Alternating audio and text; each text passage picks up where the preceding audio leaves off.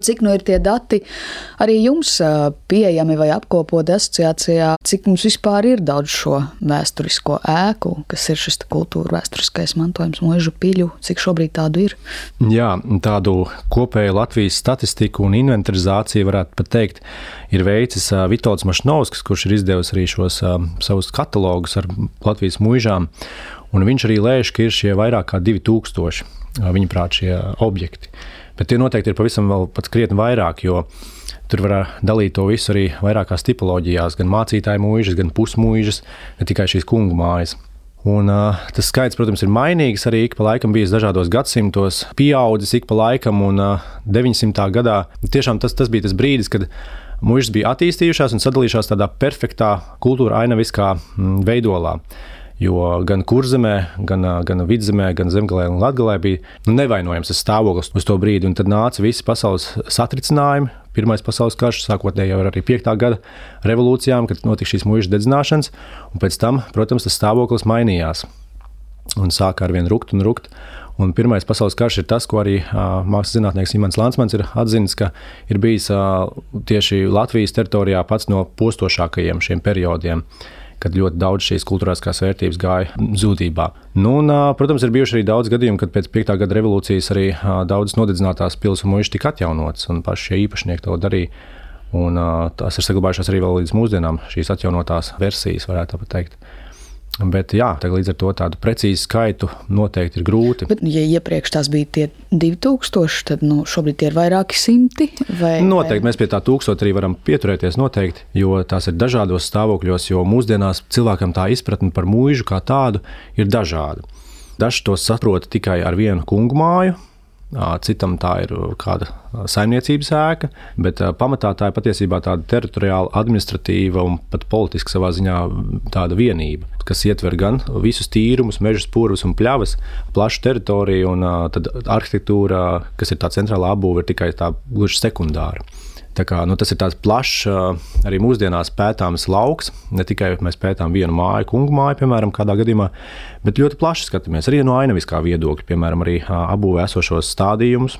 Gan alejas, gan parkus. Tāpat arī dažādas saimniecības ēkas, varbūt gan palīgākas, gan šie industriālie dažādi objekti, kā dzirnavas vai, vai brūži, Arī tas viss ir ietilps vienas mūžas, kādas konkrētas apbūvē. Tā tad mums ir šīs ēkas, ir mūžas, ir pilsētas, viņas ir saglabājušās. Nav tā, ka pilnīgi viss ir zudis. Vai mēs apzināmies šo potenciālu, novērtējam? Noteikti novērtējam, bet mēs vēl joprojām mums ir tāds padomu laiku mantojums, nāk līdzi tās sociālisma sekas, ka mēs esam tādi piesardzīgi un mēs to uzskatām kā tādu svešu un nekā savējo. Un, ja tiešām mēs skatāmies Skandināvijā vai tajā pašā Vācijā, tur cilvēki to uztver kā pašsaprotamu savus uh, senču mantojumu, tad mums tomēr vēl kā latvietim tas ir tāds svešs un sens un nepieņemams. Un tikai ar katru nākamo paudzi tam slieksnim tiek pārkāpts un tie, pieņemts arvien vairāk.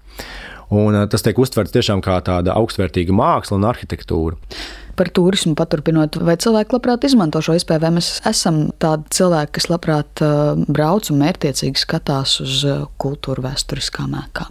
Jā, tas patiešām pārsteidz, ka cilvēki gadu no gada bieži vien brauc uz vieniem tiem pašiem objektiem, apseko un skatās šo attīstības tendenci, kas ir mainījies, kā tas ir nu, tiešām attīstījies pa šiem gadiem. Un, uh, nu, tā tendence ir pozitīva patiesībā. Un, ja tiešām asociācija strādāja pirmos savus nu, desmit gadus, vai pat visu 20 uz to, ka sabiedrībai radīja izpratni par to, kas ir šīs mūžas, ka tie arī ir kā turistu objekti apmeklējumi, arī tās mūžas, kungu mājas, kurās ir skolas, arī tie ir ar savu kultūru vēsturisko vērtību, un tajos var ieiet, apskatīt un uzzināt kaut ko jaunu.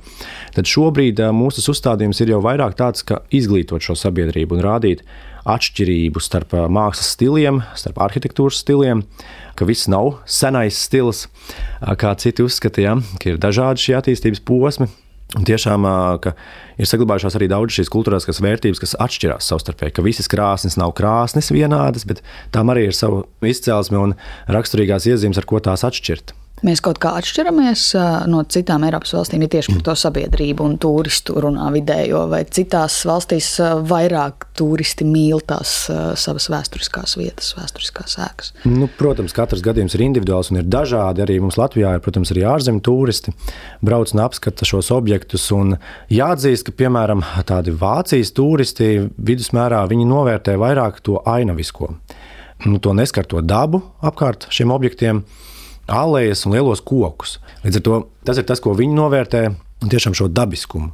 Mums Latvijā ir tā tendence par ainavu mazāk domāt un rūpēties vairāk par fasādes tādu estētiskumu, skatāmies krāsas, pamainām sienām, bet nedomājam par to, ka tā ainava var arī pazust vienā dienā ir jāsāk arī domāt par to, kā nosargāt ainavu, jo ir pēdējais brīdis, jo mūsdienās arī tiek dažādas tendences ieviestas gan par vēja ģeneratoru parkiem, šiem turbīnām jā, uzstādītām mūža dūmā, un daudziem tas šķiet, nu, labi vien ir, Bet patiesībā tas ļoti, ļoti ietekmē arī šo kultūru vēsturisko ainavu. Kā ar savukārt ar īpašniekiem?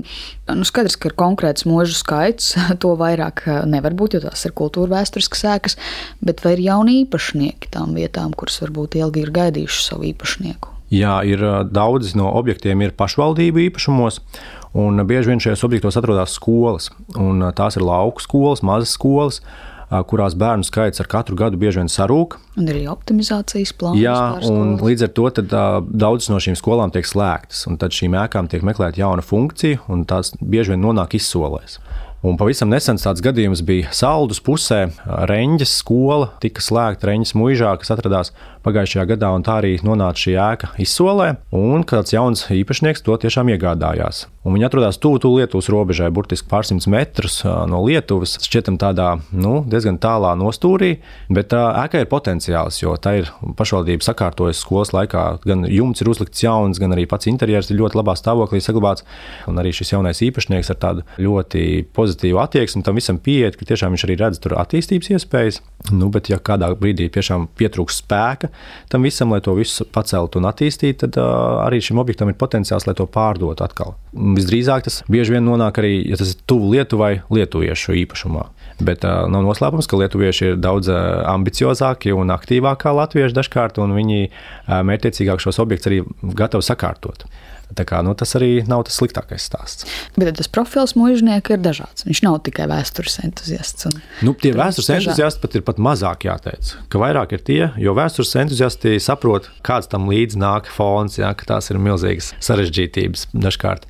Bet uh, cilvēki, kas ir pilnīgi no citas sfēras, viņiem uh, liekas, ka tas būs viegli, ātri un iespējami. Tad viņi pieņem to kā izaicinājumu, un nu, daudziem tas arī izdodas. Par tiem sarežģījumiem jūs arī pieminējat, kas ir jūsu ieskatā paši galvenie izaicinājumi. Mūžu atjaunojot, tieši paņemot tādu, kur ir sliktā stāvoklī. Bieži vien tas ir maldīgs priekšstats, ka ir šī sarežģītība, jo tiklīdz tu sāc kaut ko darīt, tu iepazīsti šos cilvēkus, ar ko tev ikdienā būs šī sasaiste gan no mantojuma pārvaldes, gan no dabas aizsardzības pārvaldes.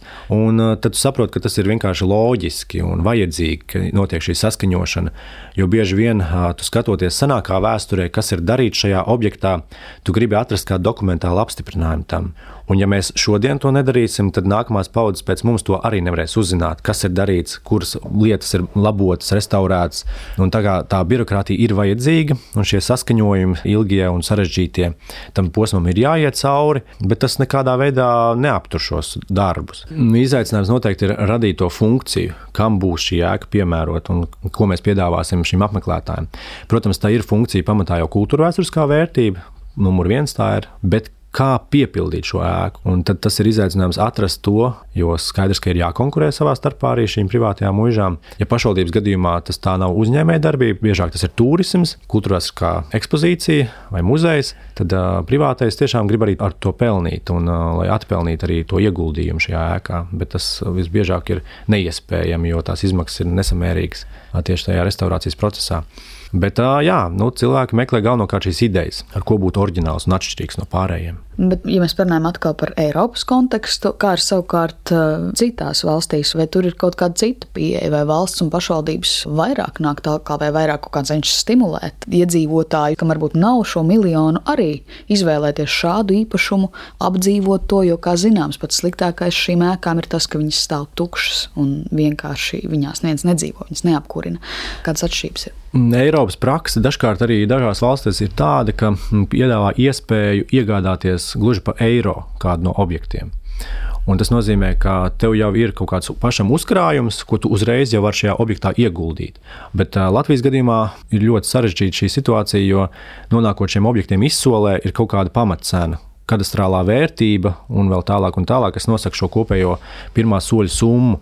Un bieži vien šī summa ir liela, tās izmaksas, kas ir nepieciešamas, lai iegādātu šo objektu un tad tu ņem aizņēmumu bankā, lai iegādātos šo objektu, un tad tev vairs nepaliek vairs finansējumu, lai to atjaunot.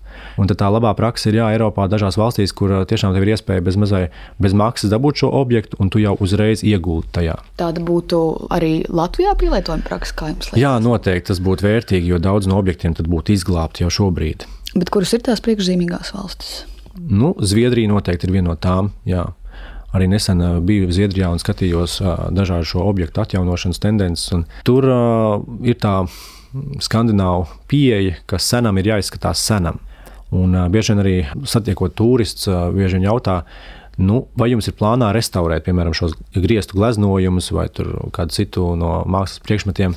Un tad es saku, ka labāk nē, jo ir tā iespēja redzēt to senumu. Jo ir blakus telpā ir restaurēti šie griezti, un tas vairs nesajūsmina šos apmeklētājus. Viņam ir sajūta, ka tas tāds jauns ir vienmēr bijis šeit. Bet blakus esošā telpa, kur ir šie vēsturiskie noplukušie griezti, kur var tikai fantazēt un nojaust, kāds ir bijis šis raksts apakšā, tas tiešām rosina iztēli un cilvēkos rada šo sajūsmu. Un, bet, ja mēs viņus vienā dienā restaurējam, nu, tad tas zaudē to pievienoto vērtību. Un tādēļ arī nevajadzētu visiem tagad steigties tādu kosmētisku atjaunošanu visam, jo tiešām tas senajam ir jāizskatās senam. Un arī tas ir maldīgs priekšstats, kā arī mūžas laikā, kad dzīvoja paši šie mūžas cēlāji, ka visi šie objekti izskatījās perfekti, labā stāvoklī. Tā nebūtu nebija, jo arī šajā kultūrāskajā apbūvē kungu māja bija tikko uzbūvēta, bet apkārt esošās saimniecības ēkas iespējams bija senākas no pagājušā gadsimta. Arī tajā brīdī jumti bija sašķiebušies kādai no ēkām. Protams, nebija tāda gadījuma, ka tur bija bija iebrucis un tecēja zirgiem uz galvas ūdens, bet, protams, viņas bija dažādas. Tur nebija perfekcija tajā brīdī arī. Un tas radīja to no ainavisko tādu šārmu patiesībā vai atbalsts ir pietiekams. Jo skaidrs, ka ne, nu, mēs runājam, ne visiem ir šie miljoni. Viņi arī cer uz kaut kādu valsts varbūt, atbalstu šajā jomā. Vai mums viņš ir arī, varbūt salīdzinot ar citām valstīm, varbūt citās valstīs ir daudz vērienīgākas šīs programmas, kurās ar labu ideju var startēt un pēc tam iegūt labu atbalstu un, un atzimst šī vieta gan ir kultūra kapitāla fonds, kas ar savu finansējumu nāk palīdzīgā šiem kultūrātiskiem objektiem, gan arī Nacionālā kultūras mantojuma pārvalde ar savu restaurācijas projektu programmu. Bet, protams, visam nepietiek, un šī ir tā iespēja ar tādiem maziem solīšiem arī uh, savus objektus sakārtot. Un mantojuma pārvaldes gadījumā ir šī iespēja pretendēt pat līdz 30 tūkstošiem eiro lielu līdzfinansējumu, un kas ir ļoti dažkārt pietiekami, lai kādu no ēkas daļām sakārtot vai jumta daļām, bet man žēl, ka daudzas pašvaldības to pat neizmanto. Viņi saka, ai, ko mēs ar tādām mazām summām smērēsimies. Bet nu, sāciet ar mazām summām, un desmit gadu periodā jūs jau būsiet šo ēku sakārtojuši. Bet viņi labāk nu, nedara neko, nekā kaut ko. Kā. Jūs tā kā vairāk uzsvaru liekat uz īpašnieka iniciatīvu un vēl noteikti, un, ja noteikti. gribat tad arī ar to finansējumu kaut ko. Un tā ir ļoti dažāda šī attieksme arī šīm pašvaldībām, kuru īpašumos ir šie objekti. Bet tad kāda nākotne jūs redzat? Jūs esat pesimists vai optimists šajā jomā, vai Eiropā šīs senās ēkas, tostarp Latvijā, plauks, vai viņu skaits saruks līdz ļoti konkrētam un būs tikai konkrēti objekti? Un šeit svarīgi ir tas, kā mēs veidojam sabiedrības izpratni. Un, mēs arī ar asociāciju esam šobrīd uzsākuši vienu tādu projektu, iesaistot jauno paudzi, skolēnus šobrīd, un veidosim tādu projektu Mana skola pilī. Vai mūžā. Un, attiecīgi, ir tādi objekti vēl joprojām, kur skolas atrodas šajos kultūriskajos objektos, un šo skolēnus iesaistīt, apzināt šīs vērtības. Jo bieži vien šie skolēni mācās šajā objektā, un viņi nav pamanījuši patiesībā, ka stūrī ir baroka laika krāsens, ka parkets, pa kuru viņi staigā, kas ir saglabājies no 18. gadsimta, vai durvis uz labierīcībām ir saglabājušās arī no 18. gadsimta beigām.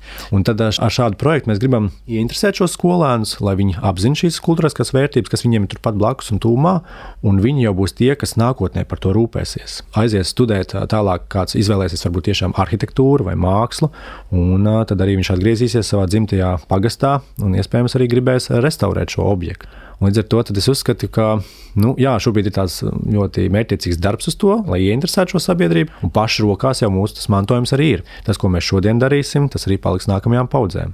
Es domāju, ka tā tendence būs tikai augšupejoša, pozitīva, ka šie objekti tiks sakārtot nākotnē arvien vairāk.